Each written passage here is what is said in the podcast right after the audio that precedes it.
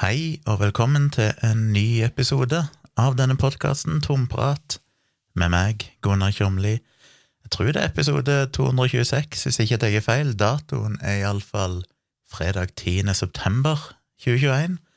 Litt over midnatt når jeg sitter og spiller inn dette her. Jeg har sittet og sett et par-tre episoder av Succession med Tone, som jeg sa sist. Veldig bra serie. En av de bedre seriene jeg har sett på veldig lang tid, fordi den er liksom aldri kjedelig. Det skjer noe hele tida, og en blir, eh, blir revet med. Veldig spennende persongalleri. Anbefaler den altså, på HBO. I denne episoden så har jeg jo et intervju igjen, men det er ikke verdens lengste intervju, eller det ble vel rundt en 40 minutt, Så det fyller ikke hele episoden, men det kommer mot slutten, så skal jeg eh, klippe inn det. Det var et intervju jeg gjorde tidligere i dag med Karl Johan Tronstad, som er en professor ved Institutt for Hva er det? Institutt for biologi? Nei, jeg har allerede glemt hva det er. Et eller annet ved Universitetet i Bergen. Han presenterer seg sjøl i intervjuet. Um, Lite grann problemer med lyden, så jeg har prøvd å fikse det litt sånn i uh, post-processing her.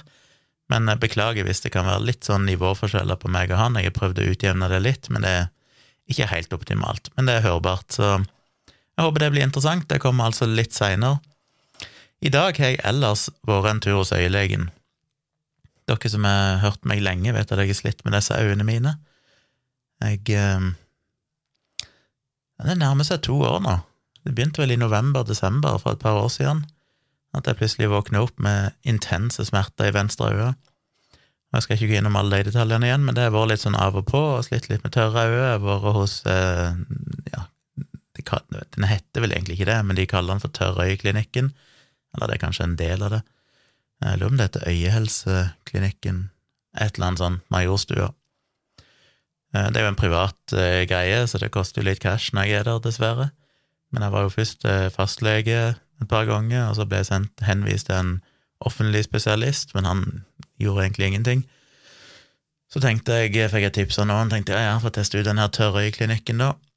Jeg vet ikke hvor mye de heller har gjort, fordi nå har jeg jo gått der i halvannet år, og jeg er fortsatt ikke noe bedre. De har gitt meg litt forskjellige ting, øyedråper og salve og ting jeg skal gjøre. Men da jeg var inne før sommeren en gang i vår, da var det plutselig en ny øyelege som var der, for han forrige som jeg hadde de par-tre første gangene han hadde slutta. Han hadde en litt annen tilnærming.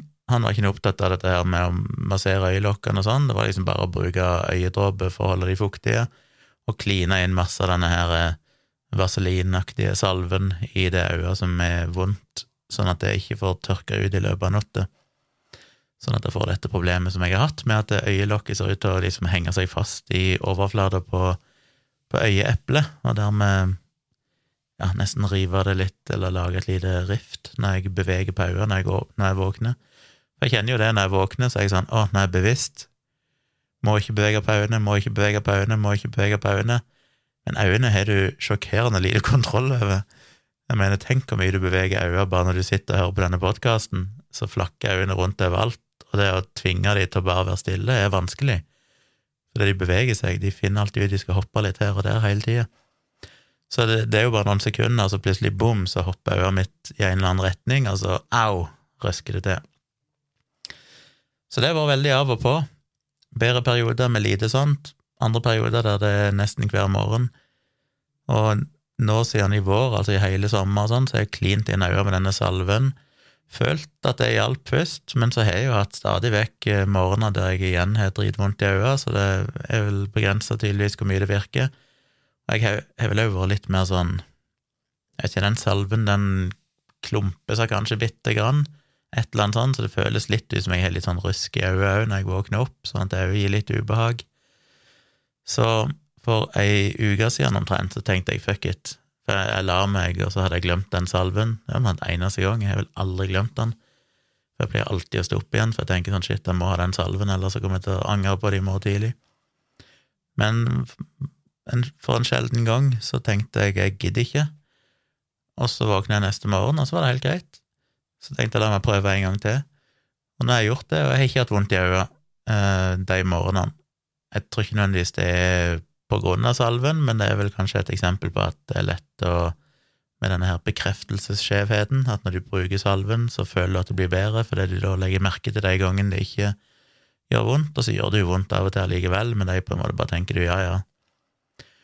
Men eh, når jeg da ikke bruker salven, så merker jeg jo at det gjør ikke vondt nå heller, og hvis det gjør vondt, så gjør det ikke noe mer vondt, eller oftere vondt nødvendigvis, enn når jeg brukte salven, så, så jeg vet ikke jeg dropper den salven. Den er plagsom, fordi at når jeg først har hatt den i øya, så må jeg holde det øya lukka, og jeg ligger jo i senga gjerne og kikker litt på mobilen og sånn før jeg sovner. Leser RSS-feedene mine og Twitter-streamen og sånn. Og da må jeg ligge der med ett øye åpent og bare lese med ett øye, og hvis det skulle skje et eller annet, så må jeg plutselig reise meg opp av senga og gå ut og holde øya atte og ser bare med ett øye. Det skjedde jo en gang det skjedde, jeg plutselig måtte ut og gjøre et eller annet, og så måtte jeg eh, Jeg vet ikke om det var bare hunden som et eller annet sånt som plutselig bare var urolig. Jeg tenkte shit, jeg får ta henne ut og se om hun skal tisse eller noe etter jeg hadde lagt meg, og måtte bare gå rundt ute med ett øye lukka. Og hvis jeg velger å åpne det, så tar det ganske lang tid før jeg ser klart igjen, for det er jo en sånn vaselin som dekker hele øyeeplet mitt, så du ser bare tåka ganske lenge. Så det er lettere å ikke bruke den, rett og slett. Men nå var det igjen en tredje øyelege jeg kom til denne gangen, og han gjorde noen nye tester, og ja, for det de sa før sommeren, var jo det at hvis ikke det ble bedre i løpet av sommeren, i løpet av en tre måneders tid, så måtte de vurdere å henvise meg til Ullevål, og så gjør de en sånn laseroperasjon der de basically svir av hele overflaten på øyet, sånn at det cellelaget, det ytterste cellelaget, får grodd til på nytt og friskt og fint og uten noe rift. Han legen her nå sa at uh, han så ikke noe tegn lenger til noen rift på det venstre øyet. Kanskje det er en sånn uh, klassisk tidsmessig korrelasjon, da, som jeg tolker som kausalitet. Jeg slutter med salven, opplever at oi, det gjør ikke vondt lenger, kanskje det er bedre uten salven. Egentlig så bare gjorde jeg det tilfeldigvis akkurat samtidig som at det endelig grodde dette såret. Gudene vet, det vil vi aldri finne ut av. Men han så iallfall ikke noe tegn til denne riften nå, derimot så han på begge øynene mine noen sånne prikker overalt. Og da ble jeg jo litt redd når han sa det, sånn shit, hva betyr det? Men han sa egentlig bare, plutselig at jeg var litt rød i øynene, eh, at det var en slags betennelsesreaksjon. Så jeg fikk atter en gang noen nye dråper jeg skal bruke. Først noen jeg skal bruke tre ganger om dagen i ti dager, og så skal jeg over til en annen type betennelsesdempende øyedråpe som jeg ikke helt vet hvor lenge jeg skal bruke, så det må jeg finne ut av, for det var liksom bare jeg skulle begynne med dem på dag elleve, men gudene vet hvor lenge jeg skal bruke de, kanskje. Jeg skal bruke de helt til jeg føler meg bedre.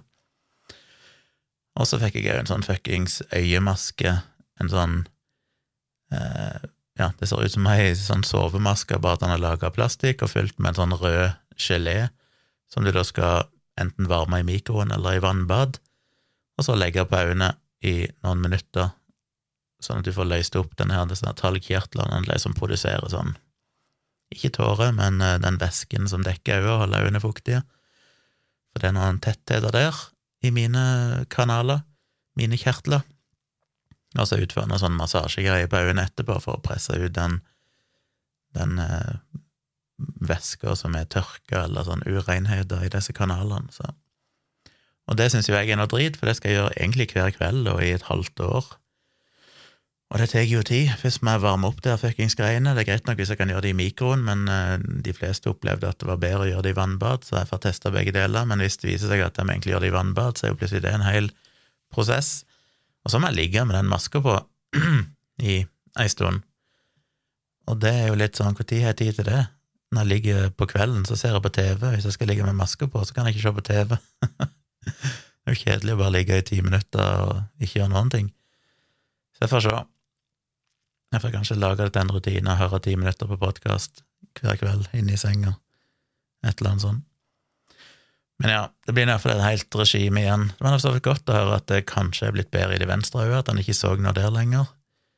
Så får jeg jo bare se om den de betennelsesdempende dråpene funker. Men dette her er jo en saga. Jeg hadde jo håpet at de bare skulle si ja, du skal bare til denne medisinen, og så fikser det alt. Men så enkelt var det ikke. I dag hadde jeg òg tenkt å snakke om eh, Nå nærmer det seg jo faretruende valg, så dette blir jo siste mulighet før valget. Men jeg hadde tenkt, eh, for det jeg så på Facebook, så ble det posta i går, tror jeg, eller var det tidligere i dag, jeg husker ikke, eh, Human-Etisk Forbund hadde gått ut og laga en ny oversikt der de hadde sett på de forskjellige partiene sitt, uh, sin politikk med tanke på menneskerettigheter. Det var selvfølgelig tolka i lys av, av verdiene som Human-Etisk Forbund står for. Så den tenkte jeg ah, enda en sånn oversikt, det blir jo fint, den kan jeg ta. Men når jeg skulle gå inn på han nå, rett før jeg, skulle spille inn, så skulle jeg bare hente han fram, så har de fjerna han. De har lagt inn en ny tittel på den sida jeg hadde lagra, der det står Human-Etisk Forbund trekker sin partivurdering om menneskerettigheter. Så skriver de videre at metoden for analysen vår om partiene og menneskerettigheter var ikke grundig nok og gir derfor ikke et godt nok bilde av verken partienes eller vårt syn. Um, så skriver de videre, sånn kort oppsummert, det som skjedde, var at engasjementet rundt vår siste partivurdering har vært enormt. Vi har lest, vi har lyttet, vi har tvilt. Til slutt har vi kommet til konklusjonen om at vi ikke har levert på forventningene. Derfor er det riktig at vi tar et steg tilbake. De skrev en del mer da, om bakgrunnen for dette her og prosessene og alt det der, men jeg leste vel noe om det tidligere i dag i en eller annen nettavis, NRK eller et eller annet sånt, at um, de hadde fått mye kritikk. At det var 46 eller sånn medlemmer som hadde meldt seg ut av Human-Etisk Forbund i protest, fordi de vel reagerte på at de mente det var Ja, at de var politisk forskjøvet, fordi at de to, tror jeg, som gjorde vurderingene, sånn hadde vært aktive eller ja, stemte, eller et eller annet sånn. SV og Ap, et eller annet sånn. Og de kom veldig godt ut. Nå var det vel MDG som kom best ut og hadde full score. Og så var det vel var det SV og Ap da som kom som nummer to, et eller annet. Jeg vet ikke, de er fjerna så jeg vet ikke. Kunne sikkert gravd den fram på Facebook eller et eller annet sånt, men, eh, men de eh, fikk mye kritikk for det. De mente den hadde en sånn politisk skeivhet som ikke nødvendigvis var riktig, at de hadde ikke vurdert den objektivt nok, eller vurdert partiene objektivt nok. Og noen ble sinte og meldte seg ut, nå må jeg jo si at hva er det for noen folk? Altså, hvordan kan du engasjere Altså, du, du støtter Human-Etisk Forbund i alt arbeidet de gjør, men så blir du provosert av en sånn ting, som er sånn 'Å, dette, dette resonnerer ikke med meg', og så melder du deg ut. Både beundre og avsky litt sånne folk. Beundre litt sånne folk som er så, er så prinsippfaste, men jeg synes òg det er litt sånn forkastelig, for det må jo handle om mer enn det. Altså, hvis, hvis din tillit til Human-Etisk Forbund er så lav at det bare trenger én ting som provoserer deg, så, så skjønner jeg ikke helt greia. Men det er klart, hadde de konkludert med at eh, Frp og, og uh, alliansen var best for menneskerettigheter, så hadde jeg nok kanskje tvilt ganske sterkt på den analysen. Men jeg hadde jo ikke meldt meg ut av Humanitisk Forbund allikevel. Det var sånn ah, dette var dårlig. Ellers hadde jeg tenkt at shit, jeg må inn og lese nå og sjekke, for det, hvorfor mener de det? Jeg mener i flere av de partiene, ikke flere av de, men i noen av de partiene-omgangene jeg har gjort i tidligere episoder, så har jo for eksempel Frp skåra bra på enkelte ting som har overraska meg, og det må jeg jo bare leve med. Det er ikke sånn at jeg boikotter den instansen eller den organisasjonen som har gjort vurderingen fordi at de tilfeldigvis fant at Frp var, var bra. Så jeg vet ikke. Interessant, iallfall. Og det de avslutter med, er jo Når vi nå trekker vår vurdering av partienes programformuleringer om å styrke og beskytte menneskerettighetene, er det med forankring i den humanistiske ånden. Dersom vår mening utfordres av bedre argumenter, skal vi lytte og eventuelt endre oss. Metoden og kriteriene var denne gangen for lite gjennomarbeidet, vi var for uklare og for lite grundige. Det beklager vi. Og da må han jo si det er jo kred. Det er ikke ofte du ser det, altså at folk tar selvkritikk på den måten, sånn som Human-Etisk Forbund her har gjort. Eh, for det de prøver å si, er at de følger den humanistiske ånden, som jo òg da implisitt er den ånden som jeg ønsker å promotere, som er dette med kritisk tenking. Eh, lytte til argumenter, følge de beste data. Og her er det slett kommet fram til at ja, shit, motargumentene her er, er det faktisk noe i. Men man går jo ikke sjøl, revurderer, og det de har gjort, og funnet ut at de har faktisk rett, disse som kritiserer oss. Så da er det best å, å trekke det tilbake igjen. Så all honnør for det, må jeg jo si. Men det er jo litt synd, da. Da fikk jeg ikke gjennomgått eh, den oversikten. Men det er jo en viktig påminnelse om at dette Jeg har jo prøvd å si det, håper jeg, nesten hver gang jeg har tatt en sånn oversikt. det er jo at eh, en må jo stole på den organisasjonen eller foreningen som har gjort den analysen. Det kan jo være at de har en politisk lagside, så det vet en jo ikke. Så jeg har jo oppfordra dere til å gå inn og lese sjøl hver gang, og, og sjekke hva dere sjøl tenker om disse vurderingene, for jeg har jo ofte bare gitt en litt sånn overfladisk oppsummering av de. Jeg eh, har jo blogga litt igjen. Shit, nå må jeg eh, hente fram en bloggpost. Hvordan skal jeg finne den her? Hm Kanskje jeg finner den i i loggen min. Der fant jeg han. Og Grunnen til at jeg snakker så mystisk nå, er at jeg har For de som har fulgt livestreamene mine, så er jo jeg omrigga studio litt igjen, så jeg kan ha en litt mer sånn skikkelig livestream-oppsett med en god stol og sånn. Men akkurat her jeg sitter, er jo de siste episodene etter vi flyttet ut av, eller begynte å pakke ned leiligheten, så har jeg jo bare sittet med Ja, det har jeg forresten alltid gjort, når jeg tenker meg om. Jeg har sittet med datamaskinen og spilt inn podkast. Nå rakk ikke mikrofonen lenger, for jeg har flytta mikrofonen. Før hadde jeg jo to mikrofoner, én her til livestream-stolen min og én til datamaskinen, kontorstolen. Den ene er pakka ned, så nå har jeg bare én, så da måtte jeg flytte meg, og her har jeg ikke noe tastatur, for jeg var så lat at jeg hadde ikke flytta tastaturet to meter. Tenkte jeg kommer ikke til å trenge tastaturet, jeg gidder ikke det. Det gjorde jeg jo plutselig, men nå klarte jeg meg allikevel. Jeg har blogga litt. Um, jeg håper jo noen av dere har vært inne og lest, men jeg, jeg skrev jo en bloggpost i går i full fart som heter Ble India reddet av Ivermektin? En faktasjekk. Og dere er kanskje drittlei av alt som handler om Ivermektin og vaksine og pandemi. Men jeg er jo litt eh, sånn, jeg er vel litt autistisk på det området at hvis jeg først begynner å diskutere en ting, så vil jeg lære alt om den tingen og finne ut av det, og når jeg da ser noen komme i et kommentarfelt under den forrige bloggposten min, så var noen som sa ja, men har du sett på India og Ivermektin? Der er folk som mener at, at, uh, ja, at du kan se en klar sammenheng mellom bruken av Ivermektin og smittenedgang og sånn i India. Så jeg ga fort, først et sånn ganske kort svar i kommentarfeltet, men så tenkte jeg uh, dette må jeg skrive mer om. Så jeg kasta meg over datamaskinen og, og skrev en bloggpost i full fart. Den posta jeg rett før jeg måtte springe for å rekke toget for å dra ned til byen, Rockefeller, og se Dag Sørås, min kjære venn, uh, ha standup-show i Oslo med sitt eh, show Vrangforestilling, som jo er en genial tittel, det må jeg jo få sagt igjen. Så meg og Tone var der nede. Det var jo mye covid-regler, og det setter jeg veldig pris på, fordi at uh, istedenfor å måtte stå, som jeg har gjort tidligere på sånne show, så var det jo sitteplasser til alle, for det er jo påbudt at du må sitte, og det må være avstand mellom folk, og de slipper bare inn halvparten av det de normalt er lov til, eller noe sånt. Det var ikke så mange ganger, jeg tror det var Ja, det er plass til mange der inne, men jeg tror ikke det var mer enn hva de sa. Noen som snakker om 250, eller noe sånt. Um, så det syns jeg er deilig, for da fikk vi sitte. I tillegg så er det jo servering ved bordene. Det er jo et par bardisker inne på eh, Rockefeller i salen der, i storsalen, men det slapp vi jo å stå i kø og styre med det.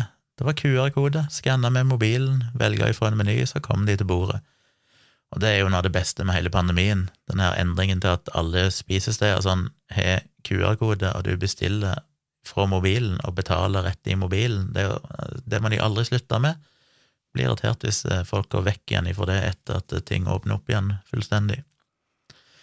Så vi var nå og så showet, og det var veldig kult. Ehm, jeg mm, syns jo alltid det er gøy når jeg oppdager at oi, her er det en vits som er basert på et eller annet som meg og Dag snakka om tidligere, eller Han hadde jo blant annet én eh, greie som er basert på noe som jeg snakka til han om i en tidligere dialogisk episode, og som han da plutselig har tatt videre og gjort om til en, eh, en liten bit i showet sitt, som er litt sånn kult. Jeg han nevnte ikke meg, da, så jeg fikk jo ikke noe kred for det. Uh, vitsen er jo hans, det er jo ikke jeg som har gjort noe med selve vitsen, men selve inspirasjonen til, til humoren kom opprinnelig fra noe som jeg snak, fortalte han om. Og så trakk han inn Tone òg. Og det var jo litt gøy, for det, vi var på et av showene hans, når var det? I fjor, eller noe sånt? Uh, I fjor sommer. Da hadde han skulle han ha sånn lite show på Latter nede på Aker Brygge. Og så satt vi der i forkant og prata med han og sånn, hadde noen drinker. og så nevnte Tone noe som var knytta til hennes egen historikk. Og så spant vi videre på det, og så plutselig fant Dag ut shit, det er jo morsomt, la meg prøve det.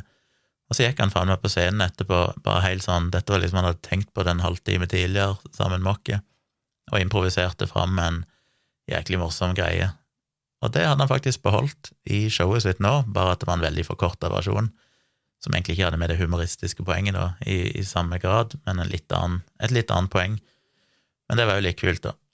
At uh, jeg kunne liksom visste at å ja, det oppsto jo faktisk når meg og Dag og Tone satt ned på Latter og, og snakka den ene dagen. Så i hvert fall to av de tingene som var med i showet, følte jeg meg liksom knytta til, og det er jo ekstra gøy at jeg kjenner opprinnelsen til de tingene. Pluss at når jeg kjenner Dag personlig, så vet jeg jo at noen av de tingene han snakker om på scenen, um, er jo Jeg kjenner jo litt av bakgrunnen til de, for han bruker seg sjøl, sitt eget liv, sin familie og sånn, og det er jo alltid gøy å, å vite litt mer om bakgrunnen til ting som ofte stikker en del dypere og kanskje er mer alvorlig enn det han da ender opp med å gjøre til en humoristisk greie på scenen. Så det blir jo en litt annen dimensjon når du ser et show med noen du kjenner relativt godt etter hvert. Og så ble vi invitert backstage etterpå.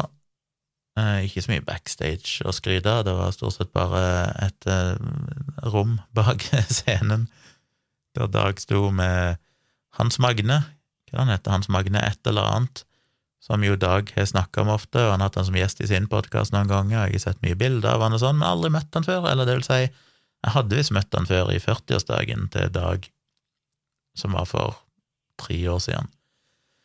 Det husker jeg ikke, der var det jo nesten bare fremmede folk, jeg merka ikke at, uh, hvem som var der. Men jeg hadde visst så vidt hilst på han. Men nå fikk jeg fått hilst på han skikkelig og prata litt med han, veldig trivelig fyr, han har jo òg en, en uh, podkast, tror jeg. Og så uh, var det et par andre der, lydteknikeren hans og ei dame som jeg aldri fikk med meg hvem egentlig var, for jeg er for sjenert til å slå i gang en prat og liksom være hyggelig og spørre. Bare en liten anekdote. Etter vi ble kasta ut fra Rockefeller, for der skulle de stenge dørene klokka ett, så de som var vakter og sånn, de drev og rydda og vaska og sånn etterpå, men de sa at klokka ett måtte vi gå ut. Og så oppdaga vi jo at uh, du slipper ikke inn noen plasser etter klokka tolv på grunn av covid-restriksjoner. Og jeg har jo blitt spurt om det i livestreamen min og sånn, jeg husker når de åpna opp til nivå tre eller noe sånt, så var det sånn ja, hva syns du om det, og jeg bare er det noen forskjell? Jeg merker ingen forskjell, ikke alt tilbake til normalen, bortsett fra at uh, en kanskje bør bruke munnbind på offentlig transport og sånne ting, så merker jeg liksom egentlig ikke noe. Og det er jo fordi at jeg er så usosial, meg og Tone er jo nesten aldri ute, vi er jo iallfall aldri på byen. Og da var det vel noen som nevnte det, at det fortsatt var restriksjoner på utesteder og sånn, så jeg tenkte ja, ja, ja, det får ikke jeg med meg, for jeg merker jo ikke noe, jeg er jo aldri på byen. Men eh, nå, for første gang, så merker jeg noe til det, fordi vi kom ikke inn noe plass. Så da um, begynte vi å gå og reke gatelangs, meg og Hans Magne og Tone og Dag. Og så gikk vi bortover der, og så plutselig så lå der en velta sykkel midt i veien med en mann som lå på sida, på ryggen. Og jeg, meg og Hans Magne gikk vel litt bak de andre, og jeg er jo Jeg registrerer jo denne mannen som ligger der, men da kommer den der eh, som jeg hater meg sjøl for, at jeg ikke tør å gjøre noe fordi at jeg syns det er litt skummelt med folk som er veldig berusa. Jeg syns det er skummelt med folk som er narkomane. Det sliter jeg veldig med å forholde meg til. Og så tenkte jeg bare at å, dette er en fyr som er narkoman eller dritings eller et eller annet som har bare lagt seg til å sove på sida av veien. Så det var liksom litt på sida, det var ikke noe fare for at han skulle bli påkjørt eller noe sånt. Det var ikke noe, jeg gate med noe trafikk, egentlig. Men eh, Så jeg tenkte bare ja, ja, shit happens, og hadde egentlig tenkt å bare gå forbi, for det gjorde Dag og Tone og hun andre dama. Men så stopper jo Hans Magne og sier liksom går bort han og sier 'hei, går det bra med deg?' Og så åpner han øynene liksom sånn, ja, ja, ja. Han var temmelig full, da. Og Magne liksom 'ja, har du slått hodet ditt?' og sånn, 'kjenner du noe i hodet?' Og etter hvert rekte ut hånda og hjalp han å reise seg opp, og, og, fant en sånn pose med mat som han hadde kjøpt, som han tydeligvis hadde hatt på sykkelen, som lå litt sånn halvsmadra under sykkelen, og drog den fram og tok og ga den til han i hånda og sa 'her er det jo maten din', det er kanskje best at du går hjem og ikke bruker sykkelen. Og han eh, mannen var jo sånn, ja, shit, eh, ga han en klem til Hans Magne, og var tydeligvis veldig takknemlig over at noen hadde brydd seg. Og så sjangla han bortover gata. Og da føler jo jeg meg som verdens verste person, for jeg tenker jo selvfølgelig, dette burde jeg ha gjort. Jeg burde vært mann nok til å gå bort og se til at det sto bra til med denne fyren. Men jeg har liksom alltid en følelse av at eh, den, dette er jo bare en person som har lagt seg ned for å sove fordi han er dritings. Det, så tenker jeg selvfølgelig kan han ha falt på sykkelen, men det er jo en stor sjanse for at han ikke er det, at han bare ligger der for han er full, og da er det ikke mitt problem. Og... Men jeg burde jo la tvilen komme denne personen til gode og tenke men hva hvis han er falt, hvis han har slått seg, hvis han faktisk ligger der og trenger hjelp? Og det er sånn jeg beundrer med sånne folk som han, Hans Magne og det har vært andre historier opp gjennom livet mitt der jeg føler at jeg burde ha gjort noe, og så har jeg reagert for seint, og så er det noen andre som gjør noe, og så tenker jeg shit, hvorfor tør ikke jeg det? Så jeg vet ikke hva jeg vil med den historien, enten å piske meg sjøl og kanskje gi kred til Hans Magne. Det er bra fyr, må jeg si. Veldig hyggelig, ikke minst, men òg Det sier jo litt om eh, karakteren til en person, at de gjør det. Ingen av oss andre som gjorde noe. Og det endte jo bra. Det var tydelig at det var Jeg tror ikke han hadde daua om han hadde blitt liggende der, men det var tydelig at han satte pris på at noen brydde seg, og fikk han opp på beina igjen. Så det var enda et spark i rauet til å prøve å være den personen som gjør det neste gang. Og det handler jo ikke om at jeg ikke bryr meg, det er rett og slett bare dårlig selvtillit og liksom sjenanse. Jeg er redd for å bli dratt inn i et eller annet som jeg ikke Jeg er så dårlig det, er litt som litt seinere, da ti minutter seinere så gikk vi bare og satte dere på en, eh, en benk, holdt jeg på å si, eller en sånn, eh, ja, en sånn kant ut forbi eh, sentrum scene der. Og mens vi sitter der, så kommer det plutselig to personer bort, to unge menn, som var mildt sagt ganske rusa, og han ene begynte å snakke om at han skulle inn på soning i morgen. så det var tydelig at da var det bare å proppe i seg alt av rusmidler mens han ennå hadde muligheten før han skulle i fengsel. Uh, jeg aner ikke hva han skulle i fengsel for, men Og så kjente de en dag og sånn 'Oi, shit, ikke du han der uh, Å, faen.' Så var de jo liksom så fan av Dag, begge to, og de visste vel hvem Hans Magne var òg. Men jeg blir så utilpass. Jeg, jeg takler ikke fulle personer, eller rusa personer, det, som jeg ikke kjenner godt og liksom vet hvor jeg har. Og det er mye det som stikker bak, at hvis det er folk som er veldig rusa og sånn, som, så, så, ja, hvis de kommer bort og prater med meg og sånn, så prøver jeg bare å smile og snakke med, og innerst inne så er det bare sånn å, please, gå vekk, please, gå vekk, please, gå vekk. Eh, jeg føler meg så utrygg og utilpass at det er jo en stor faktor i den der aversjonen for å gripe inn når noe sånt skjer, men jeg skal prøve å bli et bedre menneske. Tilbake igjen til bloggposten. Jeg posta den rett før jeg gikk på showet, og så fikk jeg selvfølgelig en tweet kort tid etterpå om at jeg hadde noe skrivefeil, og det, det brenner jeg meg alltid på. Det er alltid livsfarlig å bare poste noe jeg har gjort det før. Skrive en bloggpost i full fart, poste den rett før jeg skal på en flyreise eller et eller annet sånt, og så oppdager jeg etterpå at shit, det var et eller annet feil, og jeg hadde ikke muligheten til å fikse det. Eller jeg oppdager det når jeg lander, som kan være noen timer seinere, og så burde jeg ha fiksa noe for lenge siden. Alltid en risiko, samtidig er det ikke så farlig, så jeg må ikke ta det for høytidelig, og når jeg tenker meg om, så har jeg ennå ikke rettet opp den feilen. det var bare en skrivefeil, da, men det må jeg få gjort etterpå. Jeg hadde vel stava Ivermektin som Overmektin noen plasser. Bytta ut I og O for å gjøre det etterpå. Men eh, jeg skrev litt om det, jeg skal ikke gå gjennom bloggposten veldig grundig, men det er alltid like gøy å begynne å researche og sånn, for det er klart, jeg sjekker jo sånne ting fordi jeg alltid holder muligheten åpen for at det er noe her. Kanskje jeg tar feil, kanskje det egentlig er data eh, for at ivermektin kan ha en stor effekt. Det er klart, innerst inne så vet jeg jo at dette vil være ukontrollerte data. Eh, det er lett å sammenligne altså Det blir en sånn korrelasjonsgreie, du vet jo ikke hva som egentlig forårsaker en eventuell nedgang. Men du blir jo overbevist til en viss grad, fordi det er sånn hjernen vår fungerer. Vi er jo ekstremt flinke til å se mønster og stole veldig på de mønstrene. Og dette er jo ting jeg har skrevet om i bøkene mine holdt foredrag om og sånn, så jeg er jo veldig klar over dette, Og det er jo derfor sånne data blir så overbevisende for folk som ikke nødvendigvis er like informert om hvor lett det er å ta feil på sånne ting, hvordan hjernen lurer oss. Så når folk slenger ut grafer som viser at ok, her er smittetallene til India, de steg dramatisk i april, på denne datoen innførte de Ivermektin, og så sank smitten, da tenker en at det må være en sammenheng, da. Og det er jo en, en, en overbevisning mange har. Og jeg nevnte det jo litt i den bloggposten jeg skrev, eh, den forrige bloggposten min.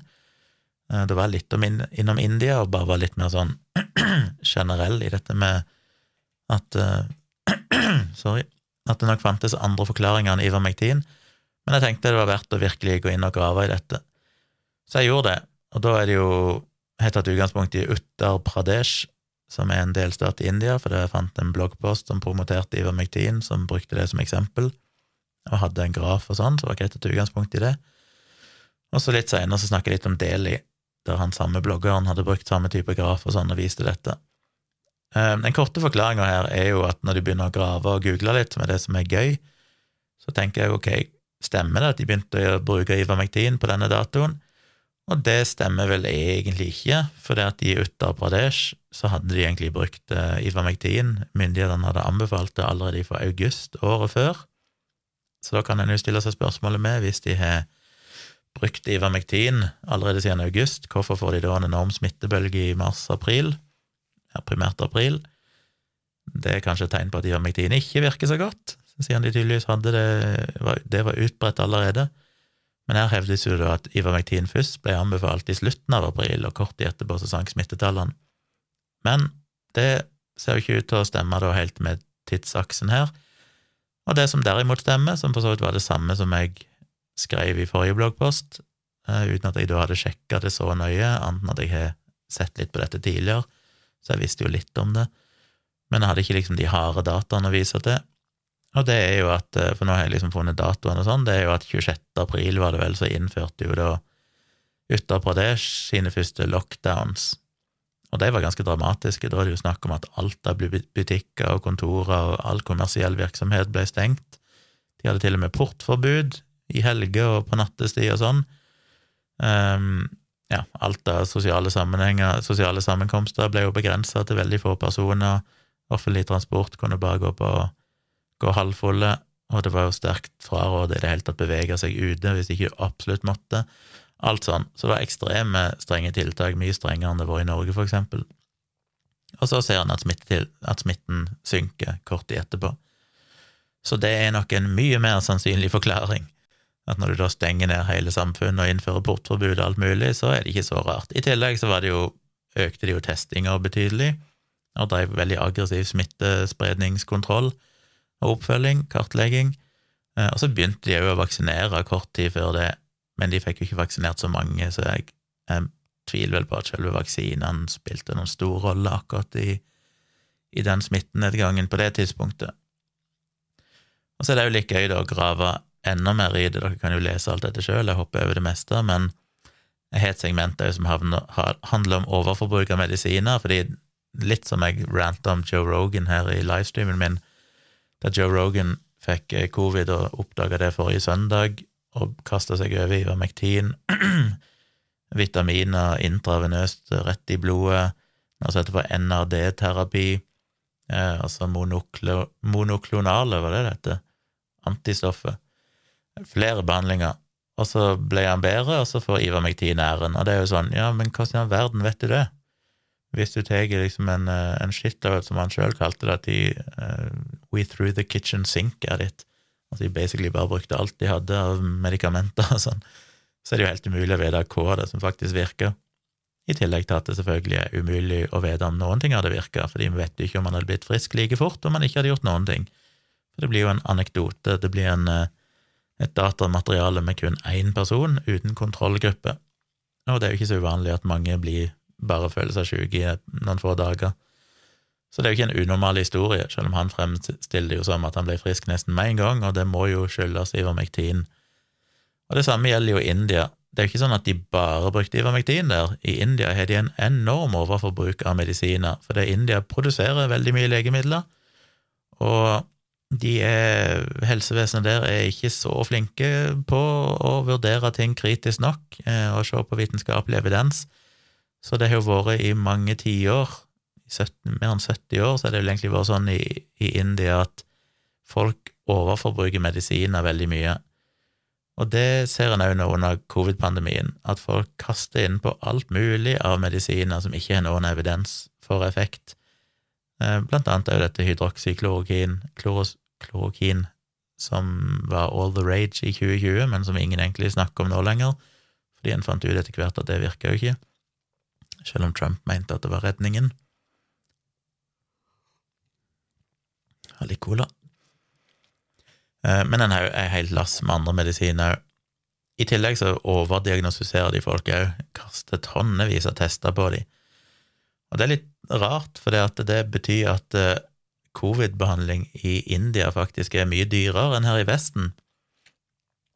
Fordi her i Vesten, med mindre du blir alvorlig syk, så får du egentlig bare beskjed at hvis du opplever symptomer på covid, så hold deg hjemme, isoler deg, um, ta et par Paracet hvis du har feber eller har hodepine, men ellers er det ikke noe vi gjør. I Norge, altså, i Europa, så får du ikke noe behandling hvis du har covid, fordi det er jo egentlig ingenting du kan gjøre. Det er kun hvis du blir alvorlig syk og du havner på sykehus og sånn, at da er det forskjellige behandlinger en kan gi. Mens i India, derimot, så kaster de jo både masse testing på de av alt mulig rart som ikke er relevant i det hele tatt, og masse medisiner på folk som bare har en mild covid-sykdom.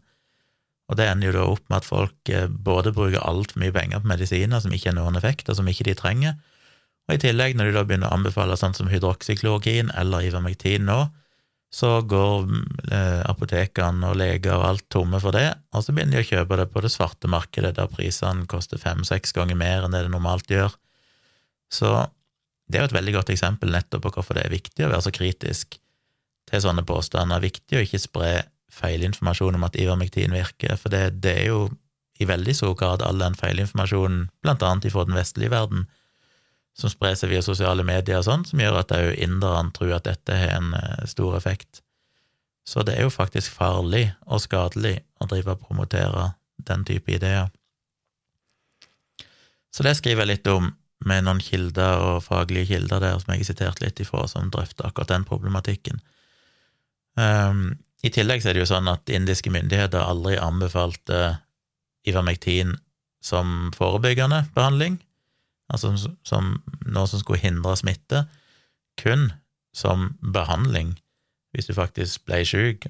Ergo, hvis det var det som la grunnlaget for at folk brukte ivermektin, så skulle jo ikke det hatt noe å si for smittetallene. Men her argumenteres det jo at smittetallene sank drastisk, derfor må det være av ivermektin.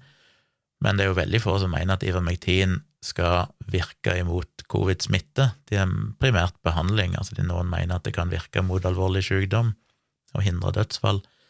Så det gir jo ingen mening. Og så er det jo en, en kilde jeg har brukt her, som har granska dette enda nærmere og sett litt på dataene og funnet ut at det vil jo egentlig være teknisk umulig at de fra det øyeblikket der India nasjonalt sett fikk en anbefaling om ivermektin som behandling, det var ikke før 28. april 2021, og smittetallene begynte å synke ti dager seinere, og de sier jo her at det er jo helt utenkelig at så stor del av Indias befolkning skulle ha fått tak og begynt å bruke, få tak i og begynt å bruke Ivermectin, til at du ville ha sett en reduksjon allerede etter ti dager.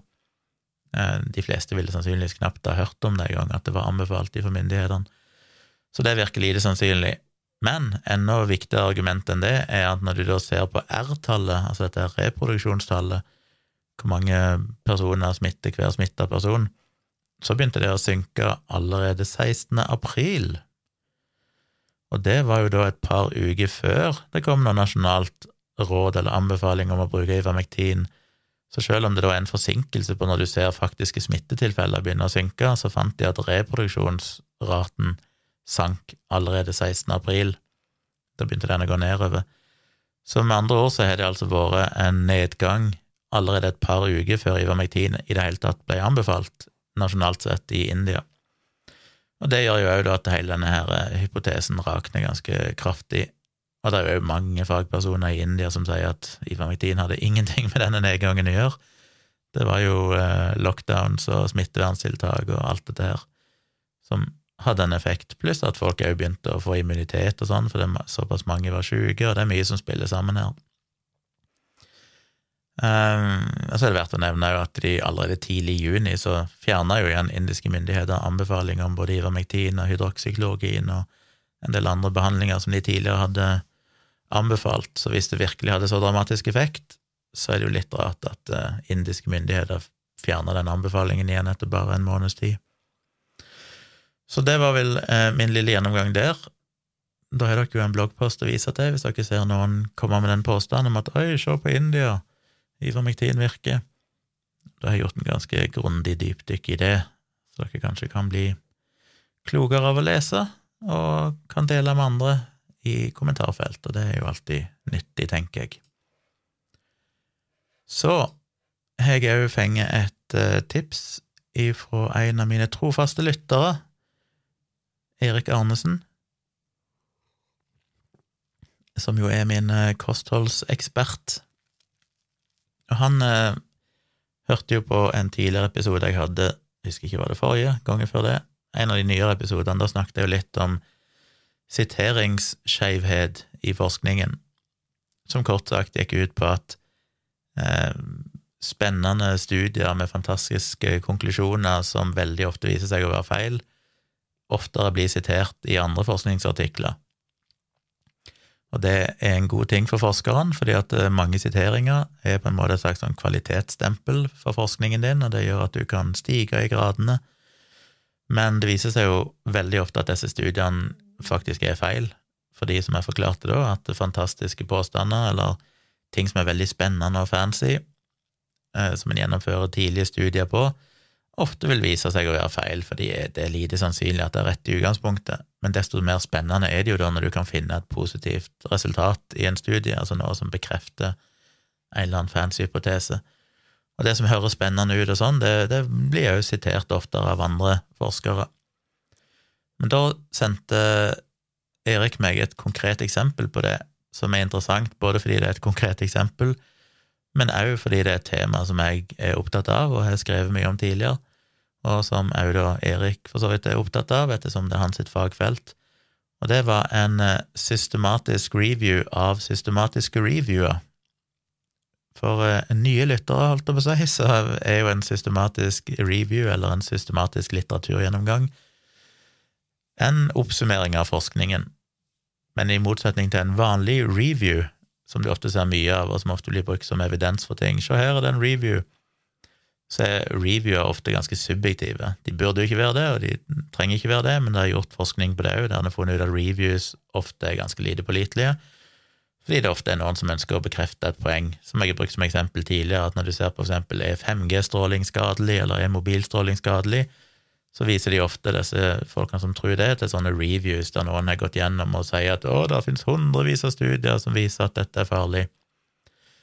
Men da unnlater de jo både å vurdere kvaliteten på studiene, så de tar jo med rubbel og bit av det som kan bekrefte poenget deres, og unnlater jo å nevne som regel de store og mye bedre studiene som taler imot dette, fordi de ofte bare gir en sånn en review er jo en oppsummering av forskningen, men da gjerne med en litt subjektiv konklusjon ofte. Det bør ikke være sånn, men det blir ofte sånn. Bevisst eller ubevisst. Og derfor har en systematiske reviews som skiller seg vesentlig for det, fordi at da setter du noen kriterier allerede før du begynner å søke i forskningsdatabasene.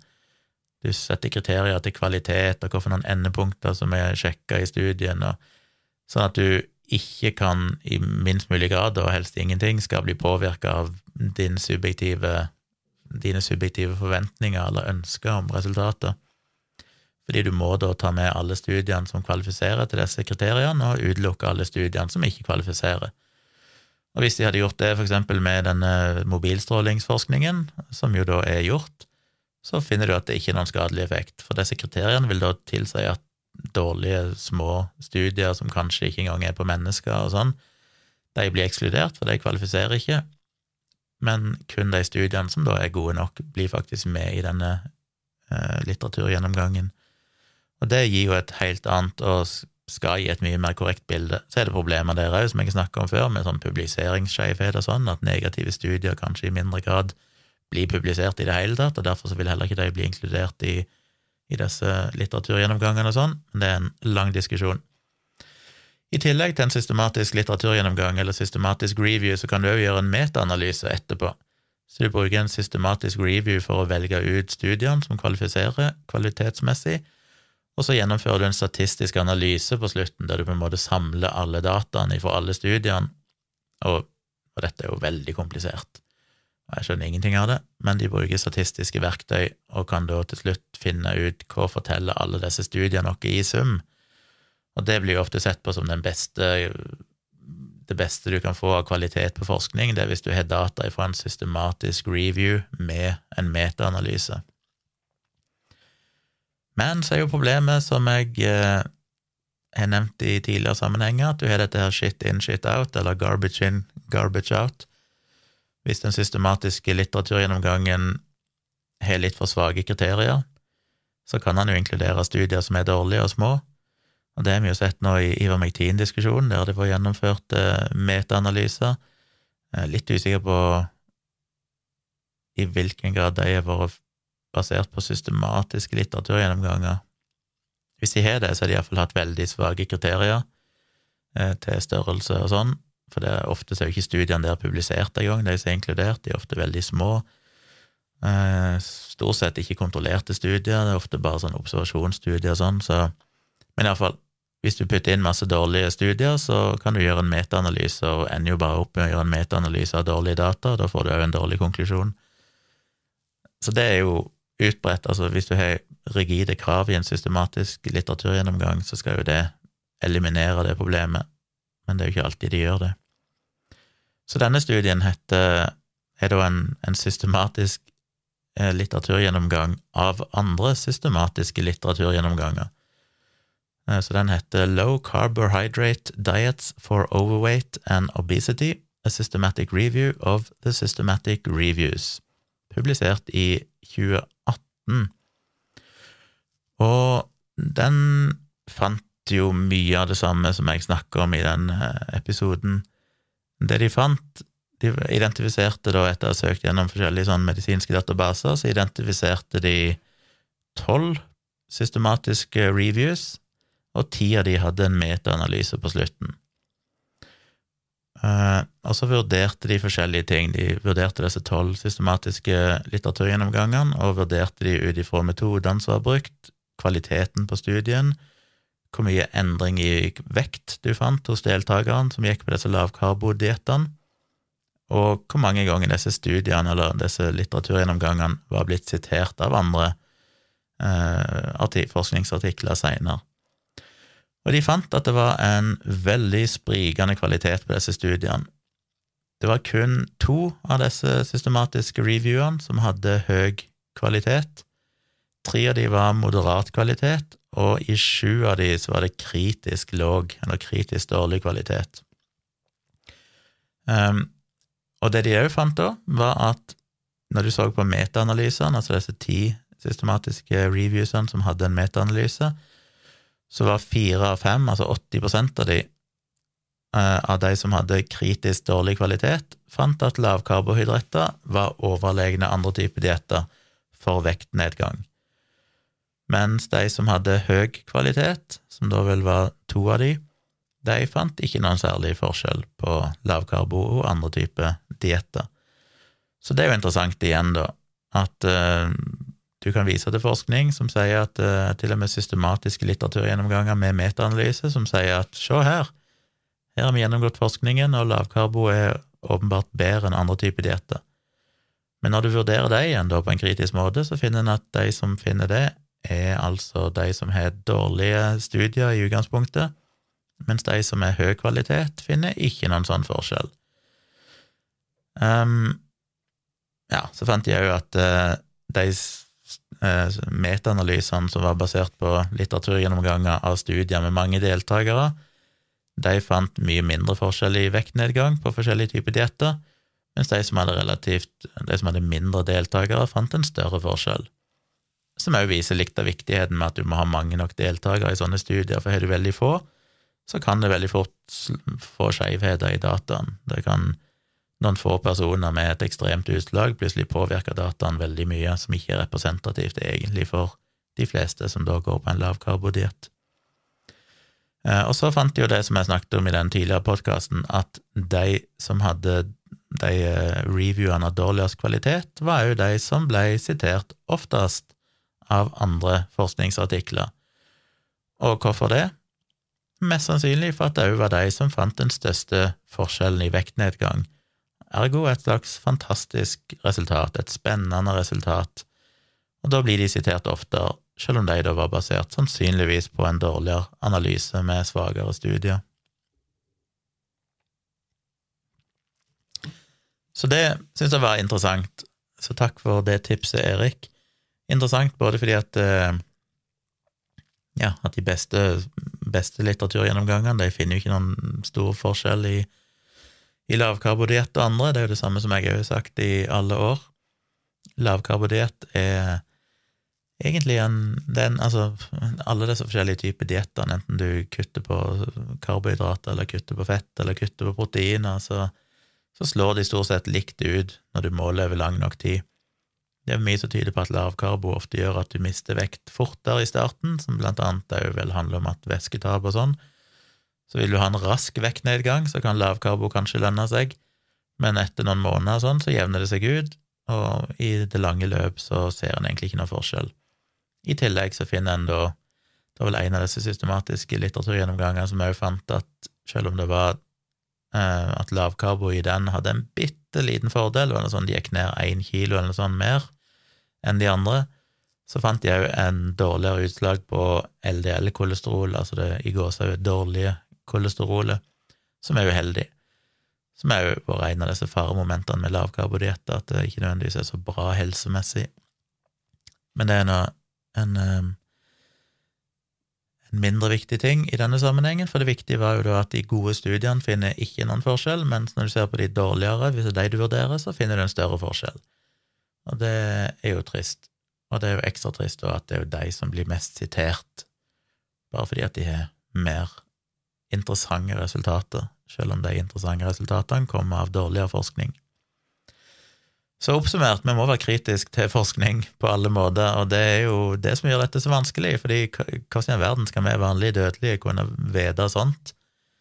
Hvis jeg finner en systematisk litteraturgjennomgang med en metaanalyse som har en eller annen konklusjon, så må jeg til en viss grad stole på at den er godt gjennomført. Eh, jeg lener meg jo så godt jeg kan til andre eksperter, prøver alltid å finne ut hva folk som er vesentlig flinkere enn meg, har sagt om disse tingene, for de har forhåpentligvis da en, en mye bedre rusta til å vurdere om disse er gode eller ikke. Men generelt sett så er jo det komplisert, det er vanskelig for oss å vite. Jeg må gå videre, fordi jeg brukte altfor lang tid. Jeg skulle egentlig bare ha en liten intro her før jeg spilte av intervjuet, og nå har fanken meg snakka i snart en time. Eh, hadde jeg noe mer da, før jeg går videre? Jo, jeg vil bare nevne Ja, hadde bare én ting igjen, og det er å nevne at jeg jobber nå med en ny bloggpost. Denne her fuckings Foreningen for fritt helsevalg. Det burde vært nye navnet deres, Den fuckings Foreningen for fritt helsevalg. Har jo kommet med en brosjyre nå for ungdommer som skal skremme dem ifra å ta covid-vaksiner. Jeg blogga jo om det i desember i fjor, for da kom de med en annen brosjyre som bare generelt sett advarte mot covid-vaksinene allerede før de var tatt i bruk. Og ja, med alt påstander om at det er eksperimentelle vaksiner, vi vet ikke farevirkningene, masse bivirkninger, de manipulerer DNA-et vårt, ødelegger oss, bla, bla, bla. Eh, og den gikk jeg jo veldig nøye gjennom. Det var ganske mye tekst, og jeg skrev en lang bloggpost om det tilbake i desember i fjor, der jeg faktasjekka alle disse påstandene og fant som vanlig at det bare er bullshit. Jeg har jo omtalt fritt helsevalg tidligere i bloggposter mange mange år tilbake, for de har jo promotert farlig alternativ kreftbehandling og sånn, og fraråda folk å få vanlig kreftbehandling. Så det er jo en bedriten gjeng med mennesker som burde skamme seg så langt inn i ryggmargen. Jeg skjønner ikke hvordan du kan bli et så dårlig menneske. At du For jeg mener én ting at du i beste fall, skal du virkelig legge godviljen til, så kan du si at ok, i fjor høst så visste de kanskje ikke bedre, selvfølgelig visste de bedre, men, men vaksinene var nye da, vi visste ikke så mye om de. Men i august, når denne ble skrevet, 2021, når den brosjyren ble laga, så kan de ikke lenger komme med de påstandene de gjør, og si de ikke visste bedre. eh, påstander om hvordan vaksinene virker, sånn som jeg allerede debunka i den desember-bloggposten min, men som er jo omtalt og forklart i sikkert tusenvis av artikler rundt om i verden, og podkaster og videoer. Altså, det er jo ingen unnskyldning nå lenger for å påstå sånne ting som de gjør. Kommer med skremmende tall om bivirkninger sånn som er tatt helt ut av kontekst og all virkelighetsoppfattelse. Du må rett og slett være et bedritent menneske for å gjøre det, spesielt når du retter deg mot ungdom og barn, og skal få skoleelever da, til å ikke vaksinere seg. Altså, det, det, er en legitim debatt omkring bør vi vaksinere barn og unge, er det ikke verdt det? Eh, eh, for all del, det er en debatt du kan ta på et saklig, faglig grunnlag, men det er jo ikke det de gjør. De sitter jo bare og dikter opp masse tull og vås og rene løgner for å skremme folk for å ta vaksinen.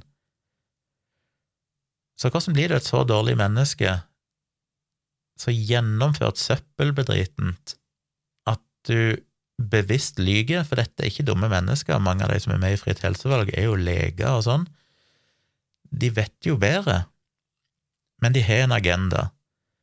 På en eller annen måte så har de en eller annen mental sykdom som gjør at de ikke klarer å forholde seg til virkeligheten. Eh, gudene vet hva som driver de, men eh, en eller annen grunn, da, så For jeg mener, det finnes legitime debatter rundt vaksiner, og sikkerhet og trygghet og effekt og alt mulig, som foregår hele tida i faglige kretser. Men dette er jo ikke på det nivået. Dette er jo bare bullshit. Altså, det er sånn barnehageargumentasjon som er altså så flau å lese, og så sitter det folk der som delvis er høyt utdanna, og velger at dette skal vi skrive for å skremme unge mennesker for å vaksinere seg. Ja, det er altså så motbydelig. Anyway, det gir jo meg en jobb å gjøre, så jeg jobber med en bloggpost om det. Og som jeg har sagt mange ganger, dere er sikkert drittlei av alt dette her, men hvorfor gjør jeg dette, hvorfor sitter jeg og blogger om de her tingene? Vel, for min del så tenker jeg at eh, ok, så publiserer jeg den bloggposten, og så går sikkert ikke den viralt akkurat, og det er ikke sikkert så mange leser den. Men jeg leser jo sjøl andre blogger, sånn som Science Based Medicine og sånn, med folk som Steven Novella og David Gorski, som ofte skriver lange Spesielt David Gorski og sånn skriver jo dritlange bloggposter. Eh, litt i min stil, faktisk. For vi har nok litt samme fremgangsmåte, at det er mye ranting, holdt jeg på å si. Men bare, det er ikke nødvendigvis sånn, sånn veldig gjennomtenkt, eh, velformulert eh, essay det er mer litt sånn vi tar bare alle argumentene fortløpende og kaster inn alt vi har av forskning. Men jeg setter så pris på hans sine bloggposter fordi at de er så viktige ressurser for meg i framtida. Og det er sånn jeg tenker på med mine bloggposter når jeg skriver sånn som det om India og sånn. Det er sånn, ja, ok, det er ikke så mange som bryr seg, men når du kommer i den debatten, så jeg håper jo at når folk googler India Ivermectin, så finner de min bloggpost, og vil da se oi, her er det jo en forklaring. Og samme her nå med den fritt helsevalg. Det kan være foreldre rundt om i dette landet som da har en ungdom som kommer hjem med en sånn brosjyre som de har fått på utdelt en eller annen plass, eller funnet en eller annen plass, eller de leser det på nettet. Og det at det finnes sånne ressurser, da, der folk kan da si ja, men les denne bloggposten, her har han tatt for seg disse påstandene, eh, tror jeg er viktig.